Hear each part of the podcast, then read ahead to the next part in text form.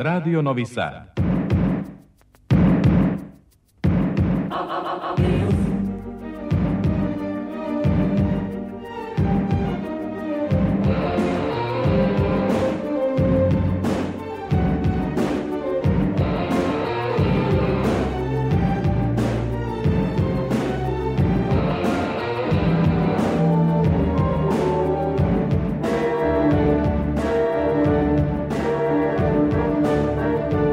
Spectar.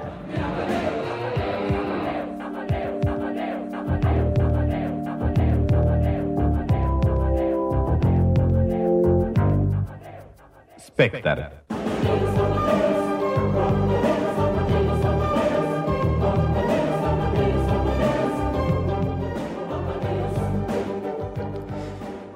10 sati i 12 minuta, dobroveče dragi slušaoci. U Novom Sadu traje sterino pozorje, dragoceni merni instrument prema kojem se već 68 godina mere težine reditelja, dramaturga, scenografa ili glumaca prema kojem se ravnaju pozorišne sezone i godišnji odmori novinara. Večeras u Spektru, magazinu za kulturu Radio Novog Sada, Mala hronika 68. pozorja, pregled onog što po izboru selektora Milimoja, Milivoja Mlađenovića u domaćem dramskom tekstu, a na scenama u Srbiji i vanje, najbolje predstavlja preokupacije teme i poetike našeg teatra.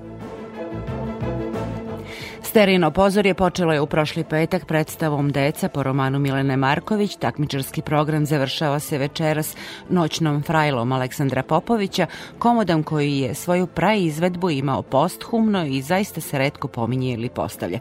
Na scenu Niškog pozorišta postavio ju je Branislav Mićunović. Sutra je dodelom sterijanskih nagrada i zrenjaninskom predstavom Slika nepoznatog završava se 68. pozorje. Imamo večeras i drugih tema, pored pozorja govorimo o off programima festivala i o tri izložbe u Novom Sadu. Ja sam Aleksandra Rajić, Spektar slušate narednih sat i po.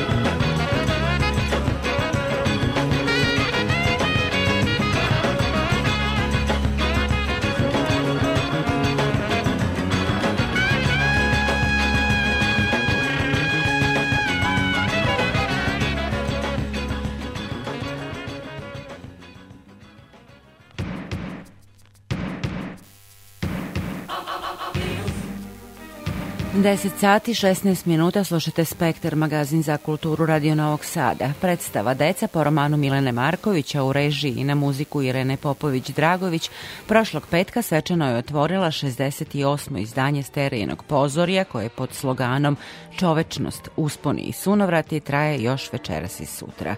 Predstava Deca u novoj scenskoj formi kao opera u 17 pesava simbioza je muzike i poezije jer je poezija po svom ritmu i emociji najbliža muzici. Sa glumicom Mijano Marković o tome razgovara Ana Čupić. Inače, večerašnju hroniku zabeležile su Ana Čupić i Ivana Maletin-Ćorilić. Dakle, slušamo Mijanu Marković i Anu Čupić.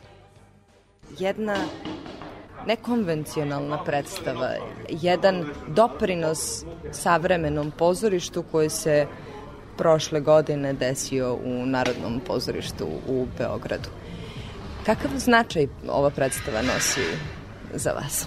Pa svi smo mi svesni da je ova neka revolucionarna predstava, da je posebna, da, je, da, se, da ćemo redko ponoviti takvo iskustvo i to je ono što je meni tužno, što sam shvatila da posle ove predstave, nažalost, proći će sigurno nekoliko godina do sledeće takve. Prosto ne bi bilo prirodno, jer to sad ono pričati, nisu to floskule, kada, su, kada se to stvarno misli, u smislu tim koji misli isto i koji želi isto i koji koje, koje jedina služba nama je da to to radi da to, i to je proradilo na toliko nivoa i sad to je eto, to je stvarno sve to ide u prilog ali kao to što kako je predstava nastala i što ona živi svoj život Ja vam želim da još dugo živi, a sada me zanima onaj deo uh, pre njenog rođenja, pre premijere. Kako su izgledale probe? Ovo je jedna kompleksna stvar. Vi, vas 17 zajedno sa orkestrom i sa decom pored uh, igrate kao jedno telo mm -hmm. i živite jedno biće, živite Milanu. Dakle, da, mi smo kao kolektivno telo u suštini.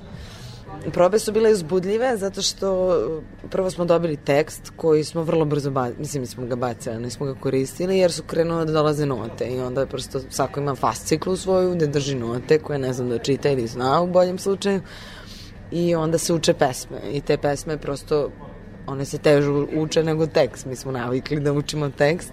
Pevačima je bilo interesantno jer oni e, su navikli da, na primjer, kad rade, dobiju odmah sve note kao što kad mi na, smo navikli da dobijemo ceo tekst uh, ovaj, pre nego što uđemo u proces. I on njima je bilo jako čudno što te note dolaze pesma po pesma. To je bio njima izazov, a nama je bio izazov što uopšte kao moramo da učimo da glumimo kroz pevanje. Jako malo mi zapravo imamo govornih delova, bukvalno par rečenica. Da. Mislim, možda sve ukupno dve strane, ali kao od sati pet minuta predstave. Tako da, a onda koreografske probe koje su intuitivno pratile. Mi, mi smo sve vreme pravili pre, znači krenuli smo već ono, na prvoj probi smo mi smislili kako će da izgleda pro, ovaj prolog, to ona kad hodam. I nekako se sve otvaralo, ništa se nije bacalo, ništa nije bilo kao je višak. On, meni je žao što ne treba duže, mada ne znam da mi moglo to da, možda je baš prava mera, jer toliko muzike toliko stvari izrečenih, ne znam da bi moglo da se prati da je duže. Ali ja bih volila da radim decu dva. ja bih voljela da gledam decu, decu dva. Ono što mi je, e, e, jako me sada zanima, jako lepo korespondirate na sceni glumci, kako su rekli na okruglom stolu, ne pevači, -huh. i operski pevači. Da li ste se plašili kada ste krenuli da radite uh, sa njima? Da li vam je Aha. bio veći izazov što pored vas što stoje operski pevači? Mislim da su se oni više plašili zato što mi znamo Irenu, radili smo svi s njom i imamo poverenja i prvo zna, znamo da postoje različiti vrste procesa. Kod njih je to egzaktno i tako ih uče. Njima je bilo teško da da shvate da su deo nečeg što je prvo novo i što može biti dobro.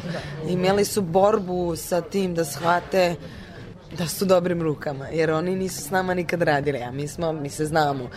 A oni su nama bili kao šlag na tortu, mislim, prosto kad čuješ te glad... Mislim, ja toliko sad poštujem operu, jer to je stvarno jako teško. Svaka im čast, stvarno. I kao učimo od njih i mi i oni od nas. Hvala vam što ste govorili za naš radio.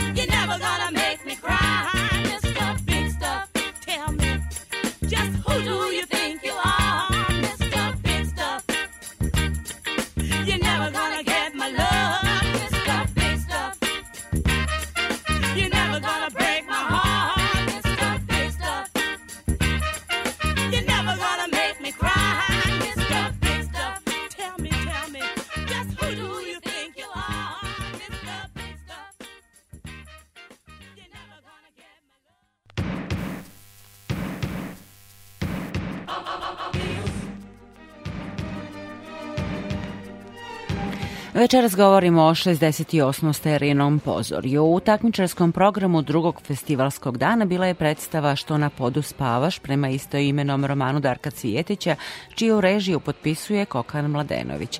Reč je o koprodukciji Srpskog narodnog pozorišta, Dramskog kazališta Gavela iz Zagreba i Sarajevskog narodnog pozorišta i festivala Mesi Sarajeva. Sa Darkom Cvjetićem koji se pojavljuje i kao glumac na sceni razgovarala Jana Čupić. Što na podu spavaš je jedno tako naivno pitanje koje iza sebe krije veliku tugu, patnju i bol. Vi ste o romanu, a i o adaptaciji rekli da je to metafora o povezanosti do te mere da ne možeš ubiti drugog, a da ne ubiješ i sebe. Pa baš tako.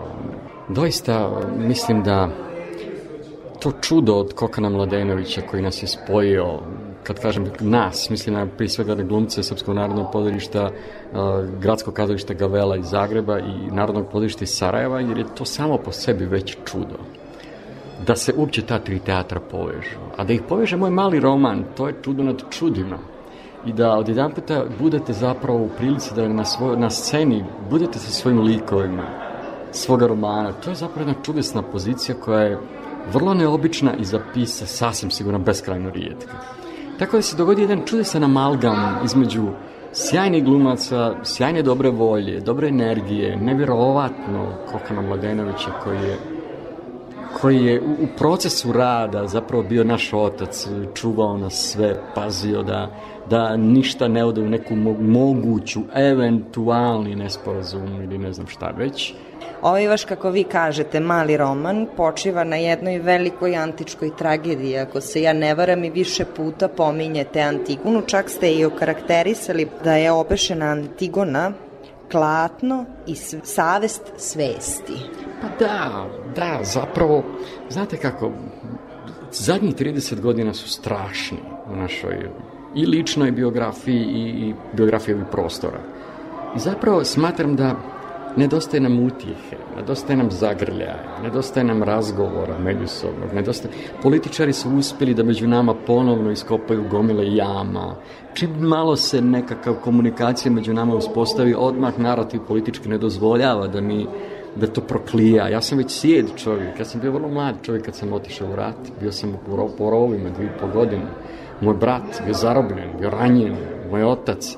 Dakle, to je naime, to se ne bi smjelo dogoditi biografiji niti jednoga čovjeka na svijetu. Da ima rat uopće u svojoj svijesti, u svojoj jer to vas totalno izmijeni. Znači, ja 30 godina živim sa PTSP-em i ne samo ja, nego zapravo svi mi u Bosni. I ovakve su predstave zapravo čisti lijek, čisti melem. I to sam vidio i vidim po reakcijama publike zapravo da ova priča nipošto nije završena i da je treba završiti, da ljudi čeznu da se ta priča napokon, o napokon završi. Lik bake koji ste napisali a, vas stalno nagovara da pišete bajku. A ja mislim da jeste tu jednu strašnu priču pretvorili u bajku. Vi ste nevjerovatno duhovit čovek. I mnogo mi je bilo teško da gledam za početak celu priču, a onda izdvajam i neke scene u kojima glumci igraju zapravo žive to sa otklonom, sa, sa srećom. To je mnogo teže gledati nego kada, kada neko pati i plače na sceni. Da, zapravo je to taj brehtovski postupak je vrlo interesantan i vrlo je Kod nas se na Akademija, nažalost, Brecht vrlo malo izvučava. Po meni to nije dobro, jer upravo se uči toj metodologiji da se vi zapravo odmaknete, koliko god je to moguće. Meni je to bilo jako teško, jer sam zapravo na svakoj probi imao retraumatizaciju onoga doživljenog. Tako da, ako smo uspjeli se primaknuti nečemu što se nazvali bajkom, onda je to savršeno, da je to baš taj uspjeh, jer iz antigonalne antičke priče, doći do bajke zapravo je nekakav pokušaj, nekakav naš cilj bio da dođemo do zagrljaja, da dođemo od muke do zagrljaja. I ako je taj put pređen, a osjetio sam večeras da jest, onda smo zapravo svi sretni.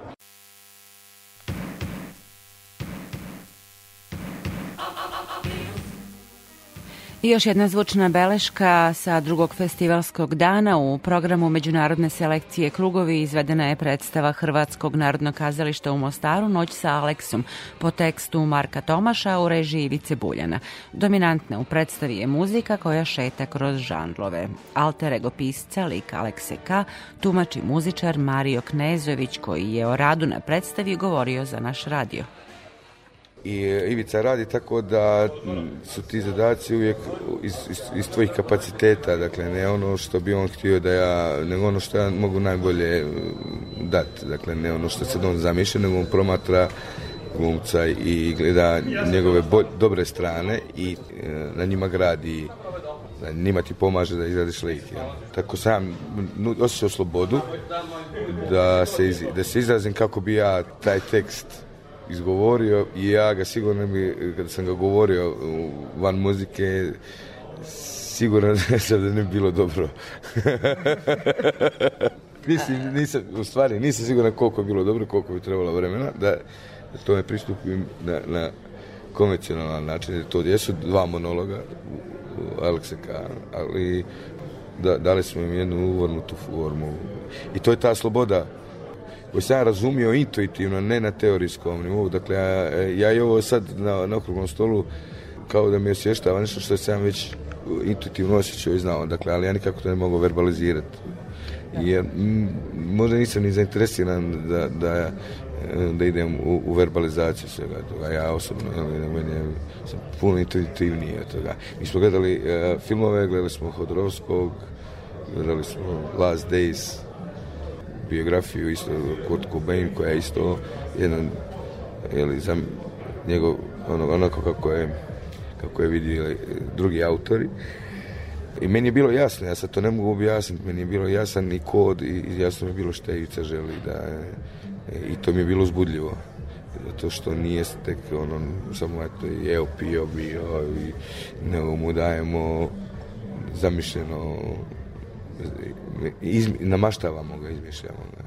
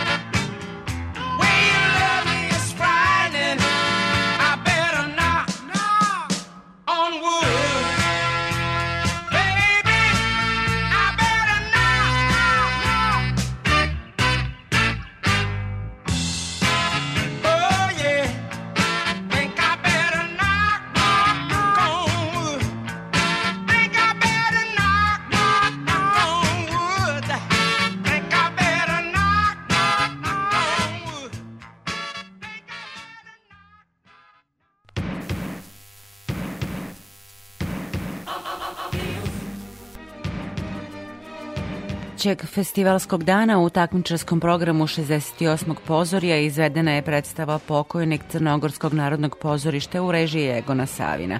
Višestruki sterijanac, reditelj Egon Savin, prvi je dobitnik nove bijenalne nagrade za rediteljski opus koja nosi ime Dejana Mijača i koju dodeljuju Udruženje dramskih umetnika Srbije i Sterijino pozorje. Odluka o nagradi bila je jednoglasna. Predstave Egona Savina kao i predstave njegovog profesora Dejana Mijača otvarale su nove perspektive u srpskom teatru i snažno uticale na njegovu pripadnost evropskom okviru, kaže se u odluci žirija. Slušamo razgovor sa rediteljem o Nušićevom značaju. Nušić adaptiran na crnogorsko govorno područje. Pokojnik kao da je pisan za, za to upravo govorno područje. Kako ste se vi odlučili da, da se to desi u Podgorici? Sad, su, sad, sad, sad vam u celom, celoj bivšoj Jugoslaviji ljudi prevode sve na svoje jezike. Meni je bilo stvarno neobično kako sad komad koji se dešava u, u Beogradu i to predratnom Beogradu da govore i jekavskim, mislim, i sa dužinama koje nisu nisu deo tog mentaliteta, jer govorna fraza je nešto što mnogo govori i o karakteru, i o mentalitetu, i naravno o poreklu. Pa kad ga radim u Podgorici, a prevodit će ga na e, jekavski, pa reko to ne može, ajde da probam sad sve da i toponime prevedem na mesto radnje, znači Podgorica između dva rata i tako je došlo do te jezičke adaptacije koja je nevjerovatno uspela zato što je mentalitet zapravo sličan. Napravili ste jedan miks žanrova, imamo i crne komedije, imamo i malo groteske, imamo možemo svega da štrpnemo odatle, ali ono što je najbitnije je što ste jednostavnim rediteljskim rešenjima navodili zapravo glumce da igraju srž problema i to ste isto komentarisali malo pre. Pa da, to je teško. Mislim, lako je kad čovjek ima neku koncepciju, neku ideju, neku viziju. A ja sam teo da napravim predstavu koja se podsmeva publici. Da. koja je mnogo više od komedije i, i drame, koja je zapravo jedna ozbiljna satira, ali kažem sa jednom dozom vedrine i duha Teško je sa glumcima to, jer glumac čim oseti žamor u publici, on počinje da pomera žanrove, da poremećuje strukture i da nudi sve više i više, ne bi li ta reakcija publike bila sve burnija i burnija.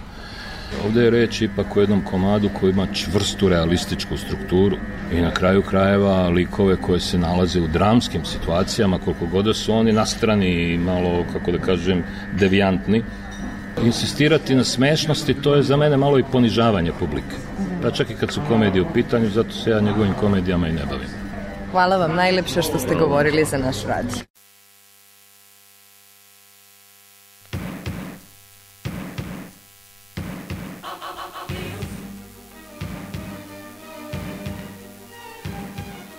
Predstava Beogradskog dramskog pozorišta Jenki Rose po tekstu Slobodana Obradovića u režiji Miloša Lolića izvedena je četvrtog festivalskog dana.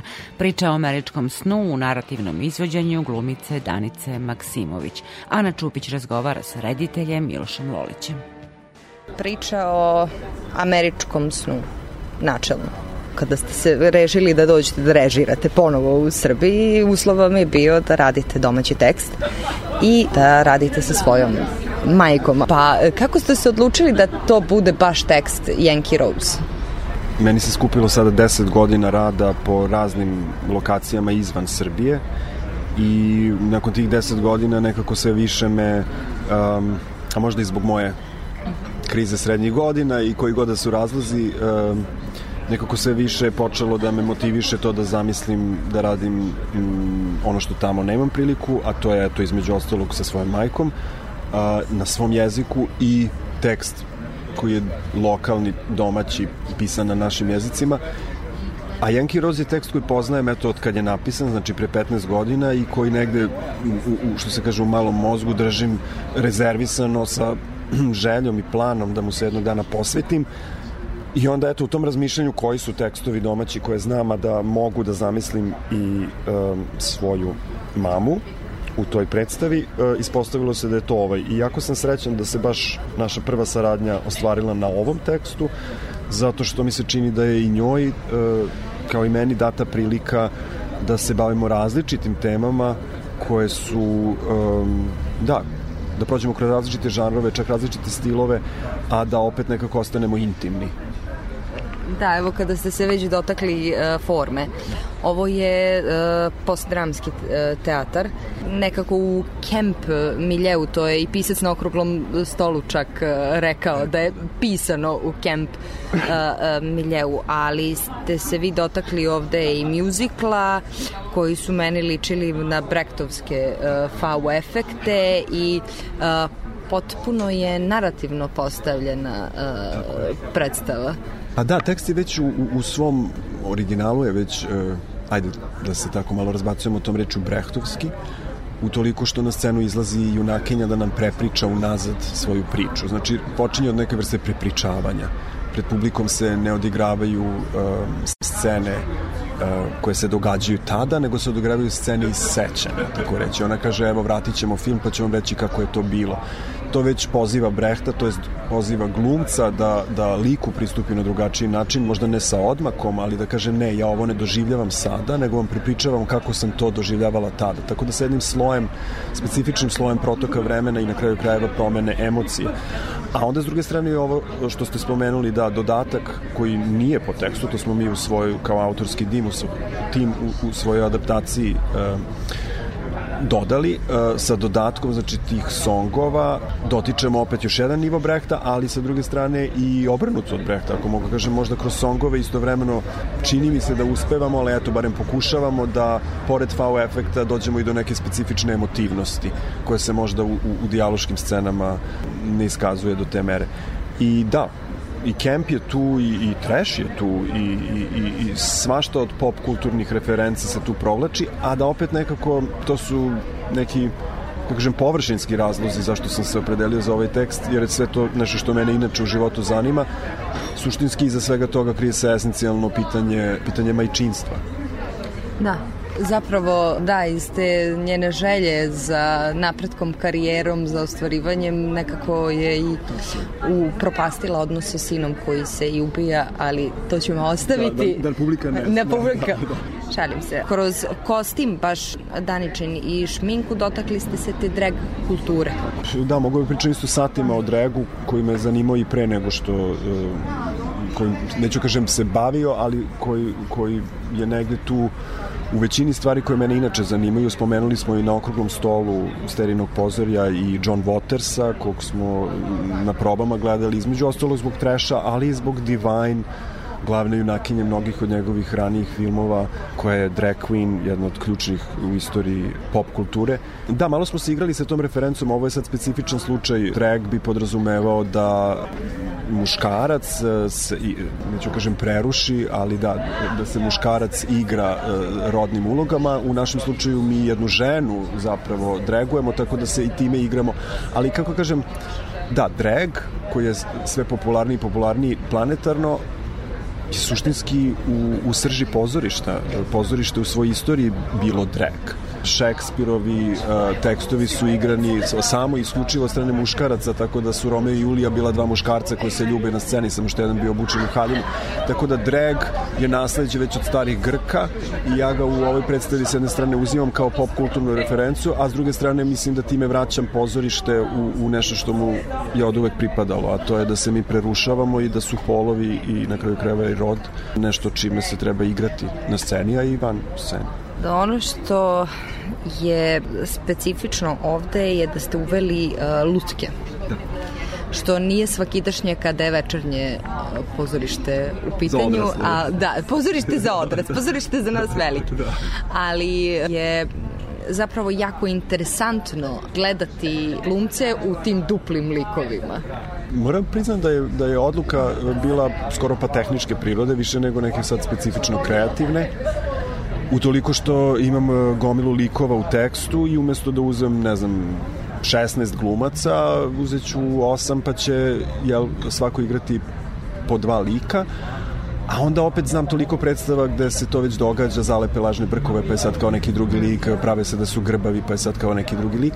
Ovde sam krenuo da promišljam šta, koje su mi još opcije osim toga da se preruši i onda kada sam shvatio da između ostalog imamo likove poznatih ličnosti kao što su Tom Cruise, Oprah Winfrey, da mi je bilo zanimljivije da zamislim nešto drugo umesto toga da neko, neko od glumaca imitira Oprah Winfrey ili ne daj Bože da ofarbam nekoga u Oprah Winfrey što bi bilo nedopustivo naravno, ali da, lutke su došle kao neko tehničko rešenje koje nam je otvorilo jedno potpuno nova vrata, potpuno je promenilo predstavu i tok predstave, a opet je ostalo na ovom nivou što kažete to i dalje taj jedan glumac svojim glasom postaje drugi lik ali više ne gledam u njegovo lice nego u lice te lutke. I, i naša saradnica Zorana koja je napravila te lutke je bila fenomenalna.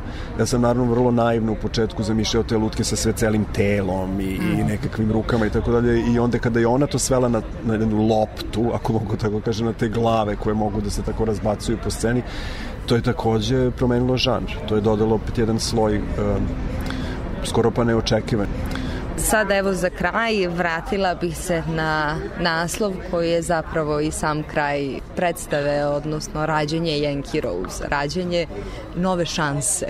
Tako je, da, ima, ima i duplo značenje, naravno, da li nove šanse ili novog demona ili da, šta je to što Amerika, ali kad kažemo Amerika mi zapravo mislimo već na svet jer smo svi odavno amerikanizovani i Amerika je amerikanizovana umeđu vremenu, tako da da, nove šanse, a opet s druge strane Yankee Rose, ta, ta, ta fraza, te dve reči tako u sklopu, se nalaze u raznim, pa ne samo pop kulturnim uh, pojavama, između ostalog u nekoj muzici, u nekim filmovima, ali čak i u jednom satanističkom tekstu. I zato kažem, uh, to Yankee Rose može svašta da znači i može sva, na razne načine se iščita, a bilo mi je drago da, da, da ga ostavimo otvorenim i čak emotivnim, jer bez obzira što ova predstava između ostalog jeste i komedija, mislim da ona i upozorava i onda nekako taj kraj treba da je pomalo i dirljiv, a jeziv.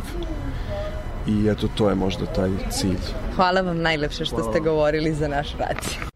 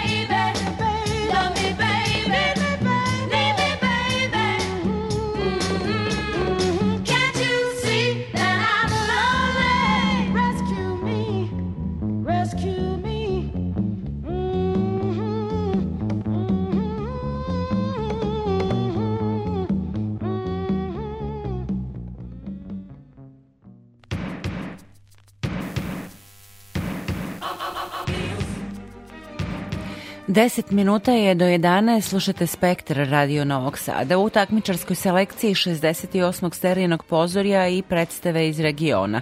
Slovensko narodno gledališće Nova Gorica izvelo je pred sterijanskom publikom komad 52 Hz prema tekstu Tijane Grumić u režiji Mojice Madon.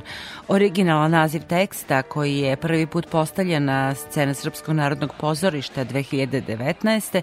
je najusamljeniji kit na svetu. O tome sa Tijanom Grumić razgovara Ivana Maletin-Ćorilić.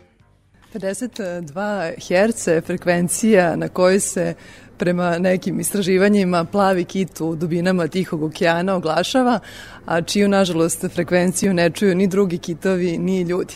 Kada ste vi čuli zov tog plavog kita? Ja mislim da dugo razmišljam o tome, do duše nesvesno i ne možda u kontekstu baš plavog kita, ali tema usamljenosti i pripadanja je nešto što mene uh, jako interesuje i to tematski se time bavim u mnogim svojim dramama. Tako da kada sam saznala u stvari preko nekih emisija o životinjama i živom svetu iza tog kita, recimo iz National Geographica ili tako nekih časopisa, onda je u stvari to delovalo kao pravi povod da napišem baš priču o tome, ali i ne samo o njemu, jeli on je i neka metafora, iako postoji i vrlo konkretna priča o toj životinji, već da proširim taj okvir i da napišem i neku priču o porodici, ali i o društvu kao takvo. Kako je došlo do saradnje sa Slovenskim narodnim gledališćem i vašeg prvog predstavljanja publici na sceni? Ja sam pre par godina poslala jedan svoj tekst Stvaranje čoveka na neki konkurs slovenačkog jednog časopisa studentskog i tada je Mojica Madon koja je režirala ovu predstavu 52 Hz u stvari bila na tom čitanju i nakon toga mi smo se jeli upoznale tamo i to je bilo pre par godina, ja sam još bila studentkinja, ona isto i ona izrazila želju da čita moje tekstove jer je nekako bio blizak način na koji pišem i ta moja poetika i kada sam je poslala sve svoje drame i kada je imala prvu priliku da sarađuje sa pozorištem u Novoj Gorici, o, jer je i ona iz tog kraja, ona je predložila nekoliko mojih tekstova i na kraju nekako u dogovoru sa umetničkim rukovodstvom pozorišta, ali i njenim afinitetima prema tih nekoliko tekstova, dogovorili su da to baš bude najusamljeniji kit na svetu i ja mislim da je ta saradnja divna iz mnogo razloga. Prvo je to što se povezuje taj neki kulturni prostor koji ipak delimo na neki način i koliko god taj jezik bio različit, čini mi se da su ovo neke teme koje opet mogu da nas povezuju koliko god bili udaljeni. Ta predstava 52 Hz na jedan nekonvencionalan, neformalan način komunicira sa publikom tom samom pozorišnom činu. Prethodi e, kratak razgovor, upoznavanje sa glavnim likom, sa pozorištem, zatim kratka šetnja kroz hodnike kroz koje prolaze glumci do scene na kojoj publika sedi zapravo sa suprotne strane pa gleda predstavu kao u gledalu dok je gledalište i samo scena. Kako vam se čini ta postavka? Ja mislim da je ta postavka sjajna zato što mi se čini da je Mojica u saradnji sa dramaturgom baš našla tačan ključ za postavljanje ovog teksta, jer e, oni su upravo iz teksta izvlačili te ideje za e, pristup njemu na neki nekonvencionalan način.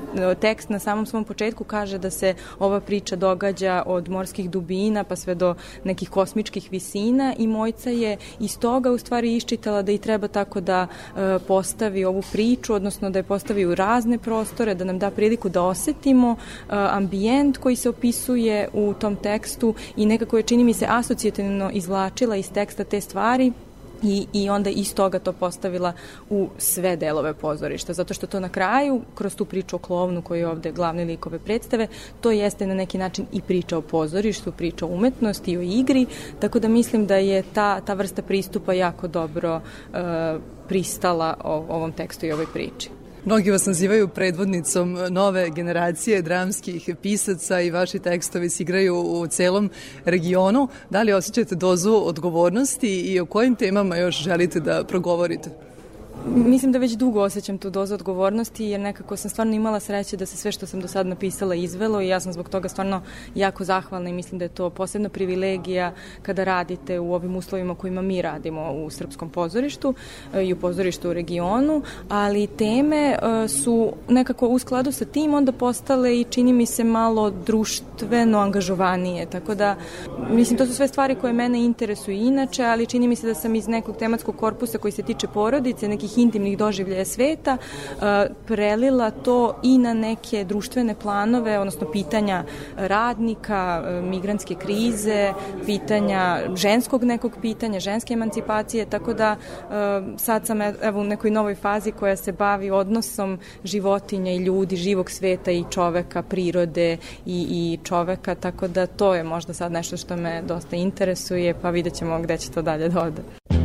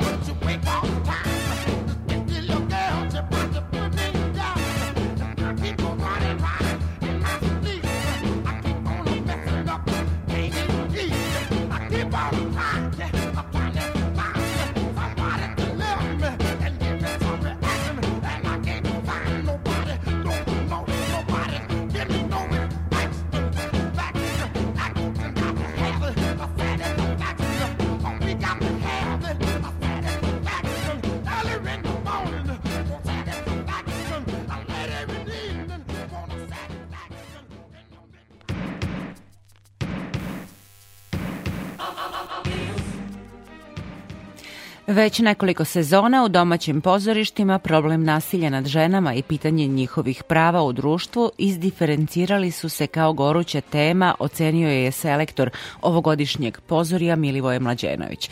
Jedna od predstava koja otvara ta pitanje je uspavanka za Aleksiju Rajčić, Narodnog pozorišta u Beogradu, Fondacije Novi Sad, Evropska prestonica kulture i Sterijinog pozorja. Režirao ju je Jug Đorđević, a nastala je prema tekstu Đorđa Kosića, nagrađenom Sterinom nagradom za originalni dramski tekst. Glavnu junakinju tumači prvakinja drame Beogradskog narodnog pozorišta Vanja Ejdus, sa kojom je razgovarala Ivana Maletin-Ćorilić. Uspavanka za Aleksiju Rajičić tretira jednu bolnu temu na ironičan, duhovit način i ono što meni bio najjači utisak posle predstave, a to su te reakcije, pogotovo ženskog dela publike, e, koji je sve vreme naglas bodrio Aleksiju u toj težnji da se obračuna sa mužem, nasilnikom i da mu stane na put, a kasnije i te višeminutne stojeće ovacije koje nisu prestajale. Kako ste se vi glumački nosili sa tim zadatkom i kakav je bio vaš prvi utisak kada ste pročitali taj tekst? Ja sam pročitala ovaj tekst na javnom čitanju u Narodnom pozorištu. Narodno pozorište ima praksu da se čitaju tekstovi i da onda mm, glumci to pročitaju i to obično ne bude nikad ništa s tim stvarima. Ja sam pozvana da pročitam ovaj tekst i ja sam be, nevoljno uzela kod kuće da ga pročitam, misliću vam sad moram da na neko javno čitanje, na neke probe, ajde vidim šta je to i bukvalno kao da me udario grom. Znači ja to kad sam pročitala sam se cela tresla, pomislila sam ja ovo moram da radim. To je, to je tekst koji ja čekam ceo život. I onda smo ja i još jedan kolega koji je tada čitao to ne igra sad u predstavi, e, zvali našu upravu i javili, molim vas dođite na javno čitanje tog i tog teksta, imamo jedan fantastičan tekst koji smatramo da treba da se desi. Da, drama je napisana u stihu i zahteva određeni ritam i način glumačke igre. Koliko je bilo teško odgovoriti tom zadatku, balansirati to i prisustvo hora na sceni koji daje posebnu atmosferu, pa ti folklorni elementi. Nije ništa bilo teško, zato što je Jug imao svoj neki e, put rada koji je vrlo lak, lagodan, neopterećujući nije odmah došao sa rešenjima. Prvo smo čitali predgovore i pogovore knjige na osnovu koje je to napisano, inspirisano je knjigom Zatvorenice, napisano krajem 19. veka, Milutina Popović je pisao, to su ispovesti žene koje su završile u zatvore, su počinile određene zločine smo čitali te predgovore, pogovore, malo u tom vremenu pričali, radili improvizacije, Nevena je paralelno radila s muzičarima i onda smo se tako mic po mic spajali, vrlo, vrlo bez opterećenja, niko nije znao šta će biti, ali smo osjećali da, da smo na dobrom putu. Tako da ne mogu da kažem da je bilo teško, prosto bilo je izazovno, izbudljivo, ali nekako sve radilo za nas, spojila se takva ekipa ljudi koja je iznao, to svi smo bili nekog sličnog senzibiliteta. Je li vam muzika, kao što ste i rekli, bila glavni scenski partner? Apsolutno. Dok se nismo spojili s muzikom, lutali smo to, moram da kažem, ali to su, tako mi uzmemo parče iz jednog dela, pa iz drugog, pa iz kraja, dva glumca koji igra Iva Milanović i Novak Radulović i ja s Jugom i onda malo postavimo tri replike, pa ko malo onaj deo, pa ima malo ovaj, da toko po tri, četiri rečenice, otprilike postavimo nešto. I onda je došla muzika, grunula je i odjednom je to sve proradilo. To je neverovatno bio. Seća se prvi monolog moj kad ja govorim da šta čekam i Jugi, ajmo ovako, ajmo onako, probamo, ne, ne znam uopšte šta da, nismo ni mi sigurni šta, kako se to igra, kako se to govori. I samo smo u daljini čuli tu muziku Ja sam samo ovako počela to da govorim, Juga kao, to je to, šta si sad radila? Ja kao, ne znam. Pa kako, kako, šta si sad tu radila? Kako, zašto je bilo dobro? Ja kažem, ne znam, čula sam muziku. I tu smo shvatili da ta muzika u stvari mene pokreće i onda smo se spojili s njima i tako je sve nastajalo jedno iz drugog, jedno iz drugog. Koliko vas ta tema opseda kao glumicu, kao ženu rodno zasnovanog nasilja i tog položa žena u patrijarhalnom društvu kojem svedočimo i danas i da li pozorište tu može da pruži neko utočište, da progovori o toj temi na pravi način? Apsolutno, mislim da pozorište nikad ne može da reši stvari i ne verujem da pozorište može da menja svet, ali može da otvori pitanja. Može da otvori pitanje, može da se a, glasno bavi nekim temama koje su osetljive u društvu. Ovo je definitivno jedna od pa čak trenutno vrlo osetljivih tema, recimo stop femicidu, pa sa svim ovim pričama koliko je žena ubijeno u nasilju i tako dalje. Ova predstava možda može da potagne nekog da neku ženu, ne naravno da ubije muža kao Aleksija, niti mislim je to poziv na to, ali da se osvesti, da da shvate da se i to i njoj dešava ili makar da se rasplače ili makar da izgovori naglas, makar nekom pored sebe da kaže pa to već prvi korak ka tome. Na sterinom pozorju se pojavljujete i kao dramaturg, gospođice. Rekli ste da vaše glumačko biće u stvari večito traga za analizom duha i raslojavanjem ljudske duše. Šta vas je zaintrigiralo kod Rajke? Pa zaintrigirao me taj nedokučivi karakter, mislim, u isto vreme tako da do te mere nema ljubavi. Obično se bavimo nekom, uvek postoji neka ljubav u nečemu. A kod nje je toliko nemanje te ljubavi, tolika mm, zatvornost i hladnoće i nemanje empatije i onda kao ko je to, kako je to moguće da baš bude takva, ali moment na kraju njenog sloma kad se ona zaljubi pred kraj, kad pukne od toga i kad rida na ulici, taj moment je meni bio kao ovo, ja ovo želim da igram, pre svega mene to tad vuklo 2009. kad sam pisala, sam žela to da glumim. Mm -hmm dopao mi se lik glumački, a onda pošto sam imala jako mnogo vremena u tom periodu, onda sam predložila Đurđaj da ja to dramatizujem. Mm -hmm. I tako je to sve krenulo, na kraju nisam ni glumila, ne znam ni da li mi se sad to više igra, pre, nekako sam ga toko preradila da mi više nije, čak sam naišla i na razne pitanja i prepreke, kako se to što glumi i da li bi ja to znala i da me to zanima i tako dalje. Ali sam se onda upustila u dramatizaciju i onda sam jako mnogo vremena provela kako da taj roman uobličim scenski, to mi je zapravo bilo naj, najbitnije, da nađem tu formu kako da ispričam priču. Hvala najljepše na razgovor. Hvala vama. Dakle, juče je na pozorju u konkurenciji za nagrade izveden i taj komad gospođice Narodnog pozorišta Republike Srpske iz Banja Luke. Zanimljivo je to da je to tek druga dramatizacija Andrićevog romana.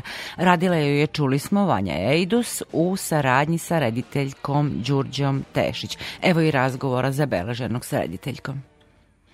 Vanja Idus i vi ste godinama radili na Andrićevoj gospođici. Bilo je toliko pravaca u kojima ste mogli da razvijete ovu priču. Gde ste tražili ključ za rediteljsku postavku? E, za rediteljsku ili za dramatizaciju, ovaj, to su sada e, dve povezane naravno stvari, ali e, mi smo radile, nismo baš 10 godina, imale smo taj jedan prekid, pošto smo pre 10 godina zapravo napravile tu e, jednu verziju i onda smo, ovaj, nismo naišle na odgovor, nisu nam verovali da će to možda ovaj, biti zanimljivo i ovaj, onda smo i odustale. Mi smo umeđu vremenu uopšte radile pa sada na poziv Narodnog pozorišta Republike Srpske sa kojima sam ja imala već više puta vrlo uspešne saradnje. Oni su želeli da radimo gospođicu, te sam ja tada zapravo rekla čekajte imamo mi naš rad od pre 10 godina i onda smo zapravo tokom prošlog leta, jer je premijera bila u oktobru, mi smo sele ponovo i to je meni strašno bilo zanimljivo što smo imali i taj uvid šta smo mi razmišljale pre e, 10 godina i bile smo jako, ovaj,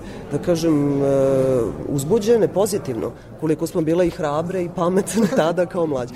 Dakle, glavni osnovni princip e, realizacije jeste bio to pripovedanje, da se držimo tog pripovedanja, zato što je to roman pre svega. Znači, da ne idemo u nekakvu, kako da kažem, onako iluzionističku, skroz realističnu, samo prenošenje dramske radnje. Jer ono što jeste u tom romanu, taj glas tog naratora, on nama daje jedno osjećanje e, da mi nekako posmatramo zapravo gospođicu Rajku Radaković i njen, e, pa da kažem, na kraju tragični život. Tako da smo žele da ostavimo to, da nađemo formu koja će preneti i to osjećanje osnovno iz romana.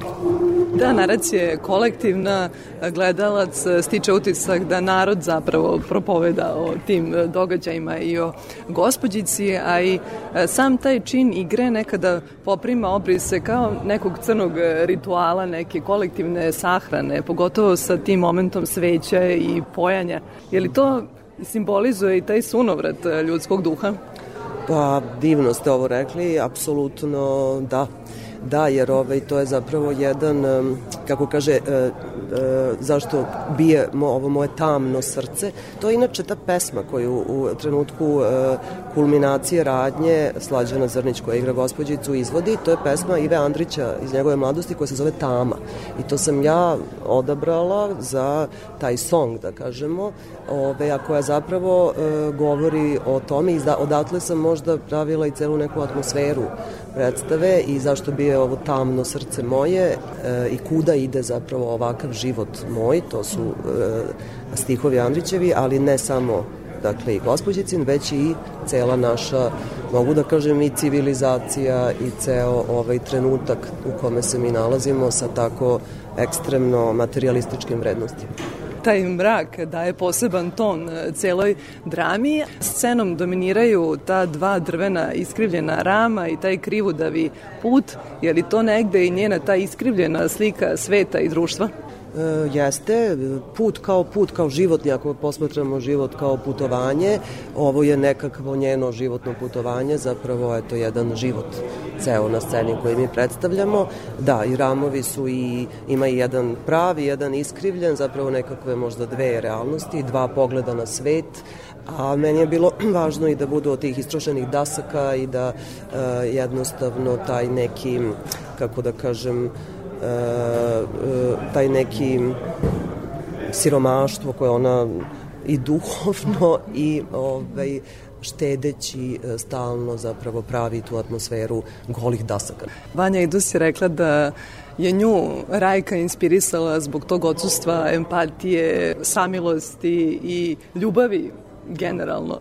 Da li je vama aktuelnost e, gospođice takođe bila interesantna? Jeste i zapravo mislim da je on još i dobio na još svoje aktuelnosti. On je meni bio aktuelan i pre 10 godina kada smo razmišljale o tome, tada i počele dakle da radimo na ovom projektu, ali moram da kažem da mislim da je sve više dobio na aktuelnosti i da zapravo nismo pogrešile u tom osjećanju, nažalost, jer mislim da se, da se ovaj, taj e, e, princip e, materializma i da je novac zapravo novo božanstvo, e, apsolutno samo još, eto da kažem, je metastazirao.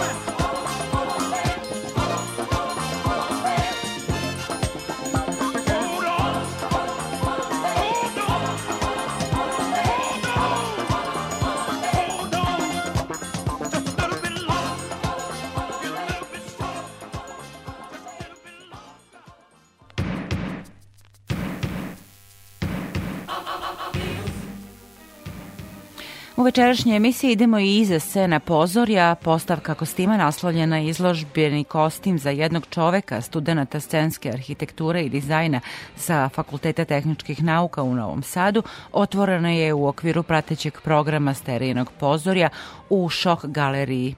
E, Ema Pavlović i Sonja Brdar kažu da se prvenstveno bave scenografijom, te da je kreiranje kostima za njih bio poseban izazov i o tome je sa njima razgovarala Isidora Bobić.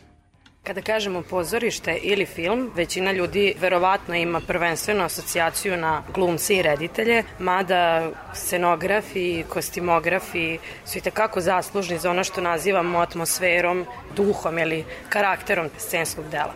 Kako izgleda stvaralački proces od postavljanja zadatka do realizacije u pozorištu, na televiziji ili u filmu? Istina je da publika uglavnom više prati rediteljski rad i glumački nego što prati jel, rad drugih e, saradnika u autorskom timu, bilo da je film u pitanju ili, ili pozorište. I, mislim ja sama kada gledam neku predstavu ili film prvo povežem sa ulogama i, i, i ljudima koji tumače te uloge, a onda budem fascinirana nečim rediteljskim umećem, ali nekako pošto se bavim prostorom, onda je scenografija sledeća stvar koja mi prva jel, je najvažnija. Reditelj ne može da postoji bez svojih saradnika u autorskom timu, bez scenografa i tako isto mi ne možemo da radimo ni bez reditelja. U praksi se trudim da zapravo uspostavljamo neke jednake odnose u smislu da smo mi zajedno jedan deo autorskog tima koji radi na jednom projektu. U pozorištu je to je jedan proces koji je dugotrajan u smislu e, proba koje traju uglavnom dva ili tri meseca. Neki reditelji rade i po šest meseci ili godinu dana. Dakle, film je malo drugačije jer se tu sve radi u toj predprodukciji gde se nabavljaju sve stvari pre samog snimanja, onda kada dođe dan snimanja se zapravo ta cijela ekipa je okuplja i onda ima neki određeni broj dana koliko snimanje traje i postavka same scene. Pozorišnu scenografiju gledam kao na jednu posebnu vrstu umetnosti jer je to nešto što traje u jednom momentu i živi u vremenu i onda kada mu jel prođe izvođački rok trajanja, mislim, odnosno izvedba, prosto ta predstava više ne postoji dok je film nešto što traje. Jel? Šta je bio najzahtevniji posao do sada za tebe kao mladu scenografkinju? Prošle godine u Bitav teatru sam radila scenografiju za predstavu mogućnost zabavljanja koptica po autorskom tekstu Tijane Grumić u režiji Nikola Isakovića, gde sam ja kao scenski dizajner pristupila jednom projektu koji je za mene nov, jer se zapravo radi o lutkarskom pozorištu, ali ne klasičnom lutkarskom pozorištu, nego o pozorištu objekata, gde zapravo predmeti iz lične upotrebe su tumačili likove iz samog dramskog teksta. E sad, to je dakle jedna posthumanistička predstava gde smo mi napravili tekst u kom se govori o tome kako je čovečanstvo nestalo, dakle čovek više ne postoji. Iza njega su ostali predmeti lični koje je on nekada koristio i oni sada postaju zapravo glavni akteri u tom dramskom tekstu Tijane Grumić. Proces je trajao tri meseca i mislim da smo napravili sjajnu, sjajnu priču na kraju i nešto što se Srbiji ne viđa. Ja sam do sada imala prilike samo da radim scenografiju za film, iako mi je želja da se isprobam i u pozorištu. Čini mi se da na filmu ide to sve nekako mnogo brže, mnogo više u hodu, mnogo češće se dešavaju situacije da su neke lokacije ili stvari već nađene, mnogo manje stvari se pravi za film. Pretpostavljam ako su neke velike produkcije da se onda i prave stvari, ali za ovako neke manje projekte sa manjim budžetom često su to uh, kompletno nađene lokacije, predmeti glumaca ili reditelja ili više to je neki kraći proces, brži, ali onda i dok traje to snimanje ti sve vreme moraš da budeš tu prisutan, uključen, da znaš u svakom trenutku šta se dešava, da nekako kontrolišeš sve što se tiče tog nekog scenografskog dela. Da li reditelj zadaje kako treba da izgleda scenografija? Koliko scenograf ima svoju stvaralačku slobodu tu? Da, dosta reditelj zadaje, ali mislim da uvek postoji sloboda, pogotovo ako se dobro razumete, verovatno čim ste odabrali da radite zajedno se razumete, da uvek postoji sloboda da neku svoju ideju prikažeš, ako si razume o čemu se radi u filmu, kakav ton je potreban da se napravi, ima dosta kreativne slobode tu gde scenograf može da izrazi neku svoju ideju. Koji je bio tvoj najveći stvaralački izazov? Pa definitivno kad sam prvi put ušla na set filmski, jer do tada, mislim, ja sam neko ko potiče iz arhitekture i bavila sam se arhitekturom par godina i to negde jeste blisko, ali postoji neke ogromne razlike. Ja sam mislila da znam kako sve to funkcioniše. Onda kad sam prvi put ušla na set, sam bila malo i začuđena, malo i sluđena, koliko je to sve nešto brzo, koliko je stalno neki haos, ali opet se i u tom haosu svi dobro funkcionišu. I definitivno prvi film koji sam radila mi je, da, bio najveći izazov jer sam potpuno promenila svoj način rada koji sam do tada poznavala, koji je bio sedim za kompjuterom i projektujem nešto. Ovo je sve bilo nekako na licu mesta. Sve I timski rad. I da, i rad sa ljudima koji nisu iz tvoje struke, znači nisu sad drugi arhitekte, nego gomila nekih kreativaca i naj, iz najrazličitih oblasti koji sad svi treba nekako da se uklope i da rade zajedno. Ove godine na Sterinom pozorju gostovale ste zajedno sa svojom master klasom i svojom mentorkom izlažući svoje kostime na izložbi koja se zove izložbeni kostim za jednog čoveka. Vrlo je intrigantno da je trebalo da vi zapravo zamislite konkretnu ličnost za koju stvarate kostim. Kao ljudi koji inače ne potičemo iz te, iz te oblasti, mi smo krenuli od toga da je kroj za uniformu i da smo nekako otišli da biramo te materijale, prosto imamo osjećaj da smo svi krenuli od, od sebe zapravo, da smo u stvari nekako svi na kraju birali e, materijale i kroj onako kako mislimo da bi zapravo pristajao nama. Zanimljivo je bilo to što nismo imali, za razliku kad se radi kostim za film ili predstavu, nismo imali lika za koga radimo, nego smo imali nekako slobodu da odlučimo za koga mi radimo i mislim da smo mi nekako intuitivno birajući te materijale i neke detalje koje ćemo dodati, oduzeti i došli do nečega što sad stvarno na neki način liči na nas. Nakon lepog uspeha na pozorju očekuje vas još jedan zajednički projekat i to je internacionalni.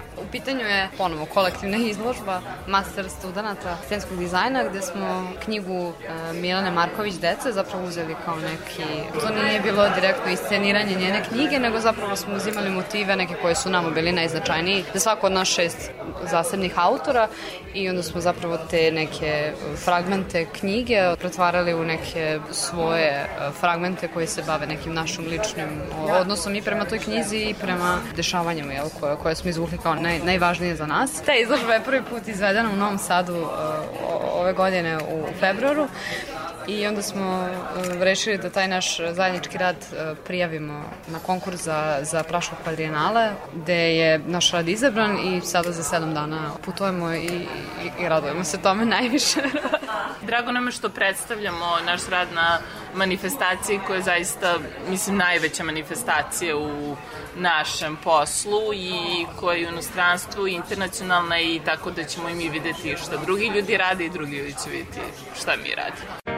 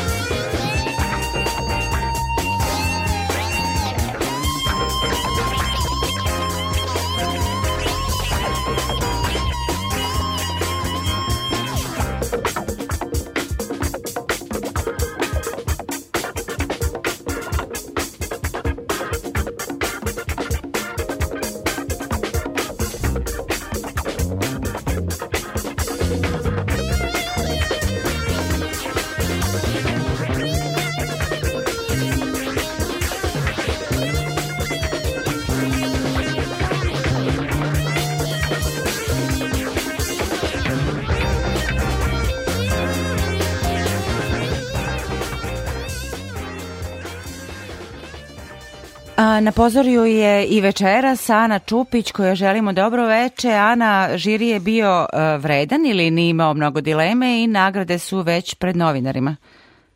A, tako Dobro veče. E, Dobro veče, Sanja, vama i svim našim slušalcima. E, Ovde je jedna uzburkana atmosfera bila do pre nekih 10 minuta, kada je žiri odmah nakon poslednjeg okruglog stola došao sa gotovim nagradama, pa ja neću puno da dužim, ja bih odmah prešla na to da kažemo ono što je najbitnije na svakom festivalu, a dakle, to je e, dakle. ko je najbolje prošao.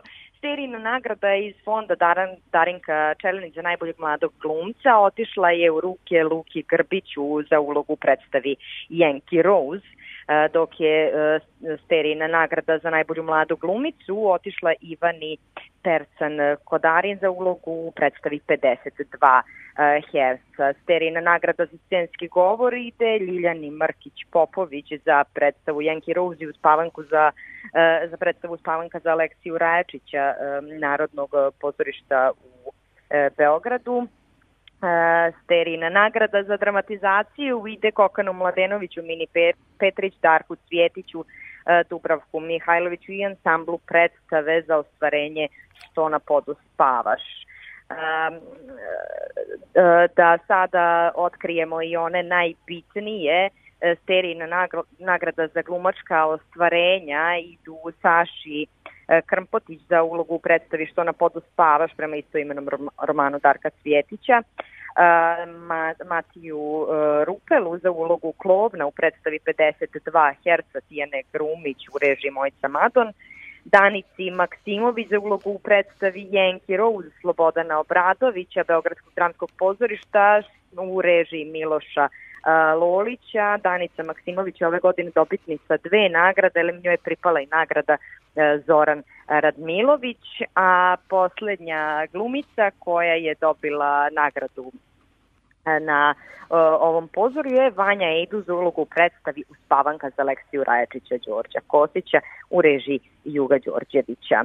E, Sterijina nagrada za režiju ove godine pripala je Milošu Loliću za predstavu Yankee Rose, a Sterijina nagrada za tekst savremene drame dobio je Đorđe Kosić za predstavu Spavanka za Aleksiju Rajačića. A ona najbitnija nagrada je sledeća, to je Sterijina nagrada za najbolju predstavu koja je otišla u ruke ansamblu predstave Uspavanka za Aleksiju Rajačića Narodnog pozorišta u Beogradu. Ti si tako rangirala nagrade koja je najbitnija, koja je manje bitna. Ja verujem da su dobitnici jednako srećni koju god nagradu serijinu da su dobili na ovom 68. pozorju. Ana, hvala ti Apsolutno. puno, da, hvala ti puno na ovim informacijama, što si bila strpljiva i sačekala e, ove nagrade i što si ovih prethodnih dana gledala e, predstave, pa smo slušali večeras u Spektru e, tvoje razgovore sa gostima Novog Sada i 68. pozorja.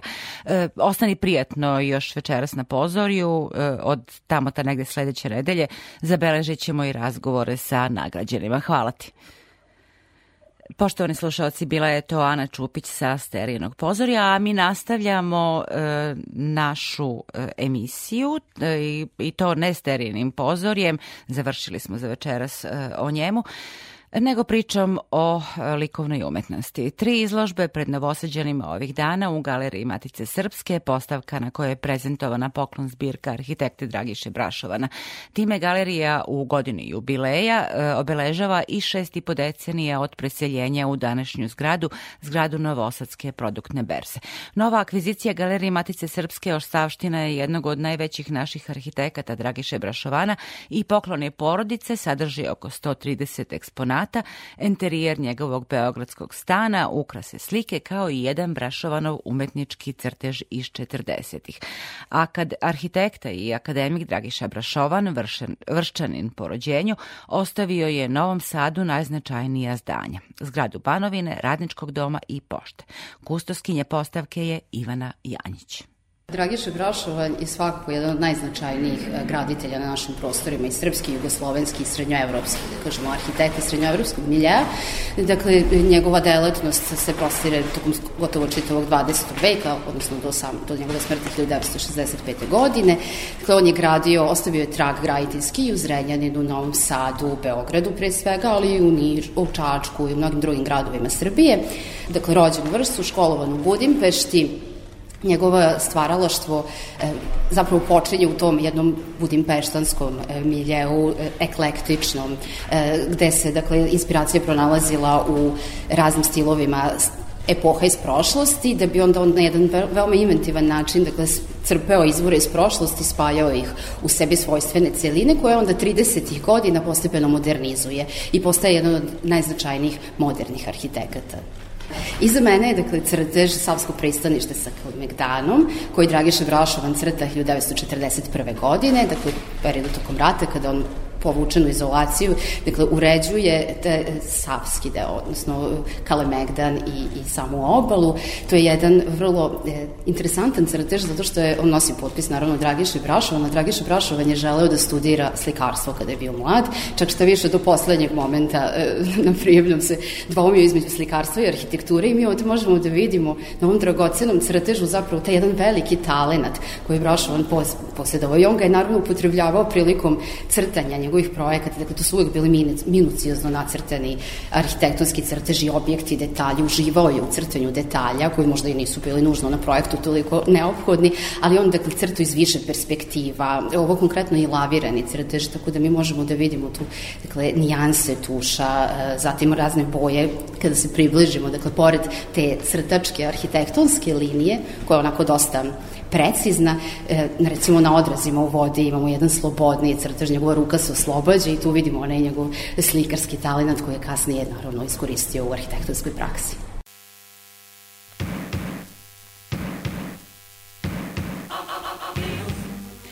A u galeriji Udruženja likovnih umetnika Vojvodine postavka asamblaža i crteža novosadskog vajara Slobodana Bodulića nazvana izložba za dušu ili dušu.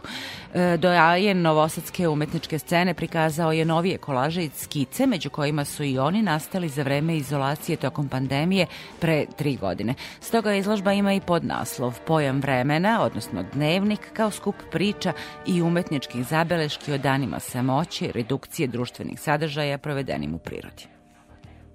To je sve došlo spontano.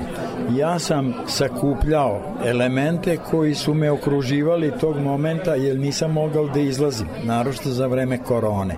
Ali i pre korone se to meni dešavalo da sedeći u ateljevu gore na Honverku, na tvrđavi i vidim stvari koje bi sakupio.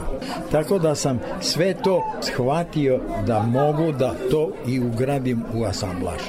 Tako da su ti asamblaži u stvari nastali od nekog mog sakupljanja stvari i događaja oko mene. Ali pričaju priču. Oni imaju priču, jer svaki razlog koji sam ja kao predmet sakupio je u stvari jedna priča koju ja mogu da ispričam, a gledalac može to da prepozna misleći na sebe, jer to je nešto naše, ljudsko sakupljanje, stavljanje u džepove, stavljanje u orman. Ljudi sakupljaju i stvari, knjige, raznu bižuteriju, razne čaše, kristale i to sve ima neku moć čovekovu. A ta ograničenja, ta polja koja sam popunjavao su u stvari naše neko ograničenje ljudsko, čovekovo koje nas sputava. Tu sam pokušao da prikažem u stvari sebe i nas kao ljude da imamo svako svoje ograničenje i svoj prostor koji možemo da popunimo kako želimo.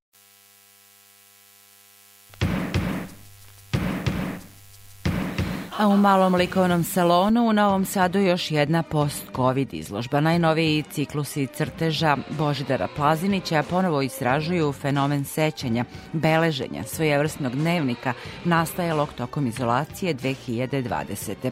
Strpljenje, kontemplacija, metodičnost atributi su koji bi se mogli vezati za njegove crteže rađene na novinskom papiru. Odgovor je jako prost pandemija bio sam zatvoren, s obzirom da sam tad napunio 65 godina, bio sam zatvoren u jednom prostoru, ve, ve, malom prostoru, u jednoj sobici. Jedinu stvar koju sam imao, to je bio tuš koji sam donao iz Kine, pošto sam pre toga bio jedno vreme u Kini, i dnevne novine politika koje su mi komšije donosile. Pritom sam uh, iz politike samo čitao te grozne natpise, broju mrtvih, pandemiji, političke gluposti i tako dalje.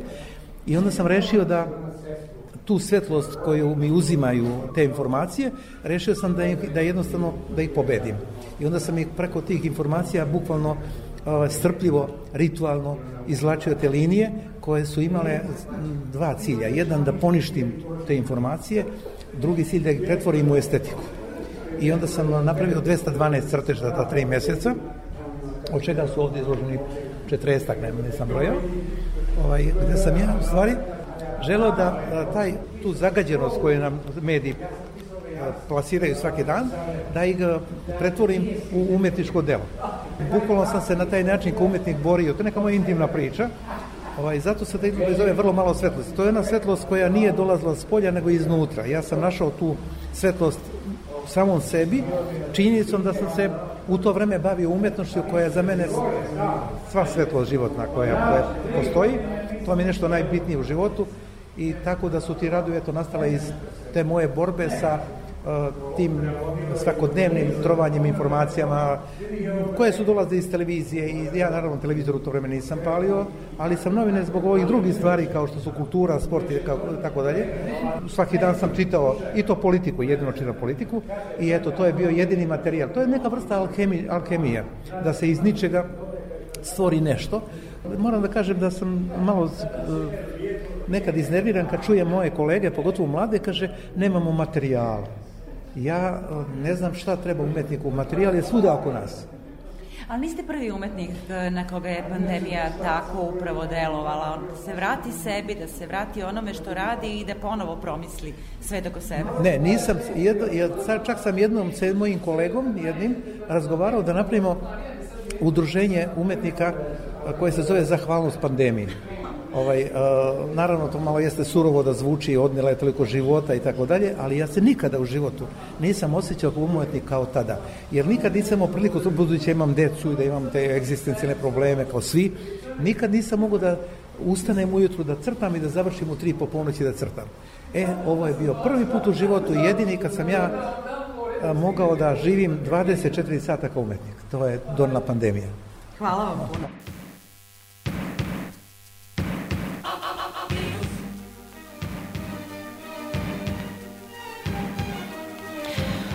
Un 20 minuta do ponoći odjavljujemo se, bio je to spektar, naš pogled na dane pozorja pre svega, a sledećeg petka ugostit ćemo i nagrađene ovogodišnje sterijance. Ovu emisiju realizovali su Zoran Gajinov, Dragan Vukmirović i ja sam Aleksandra Rajić.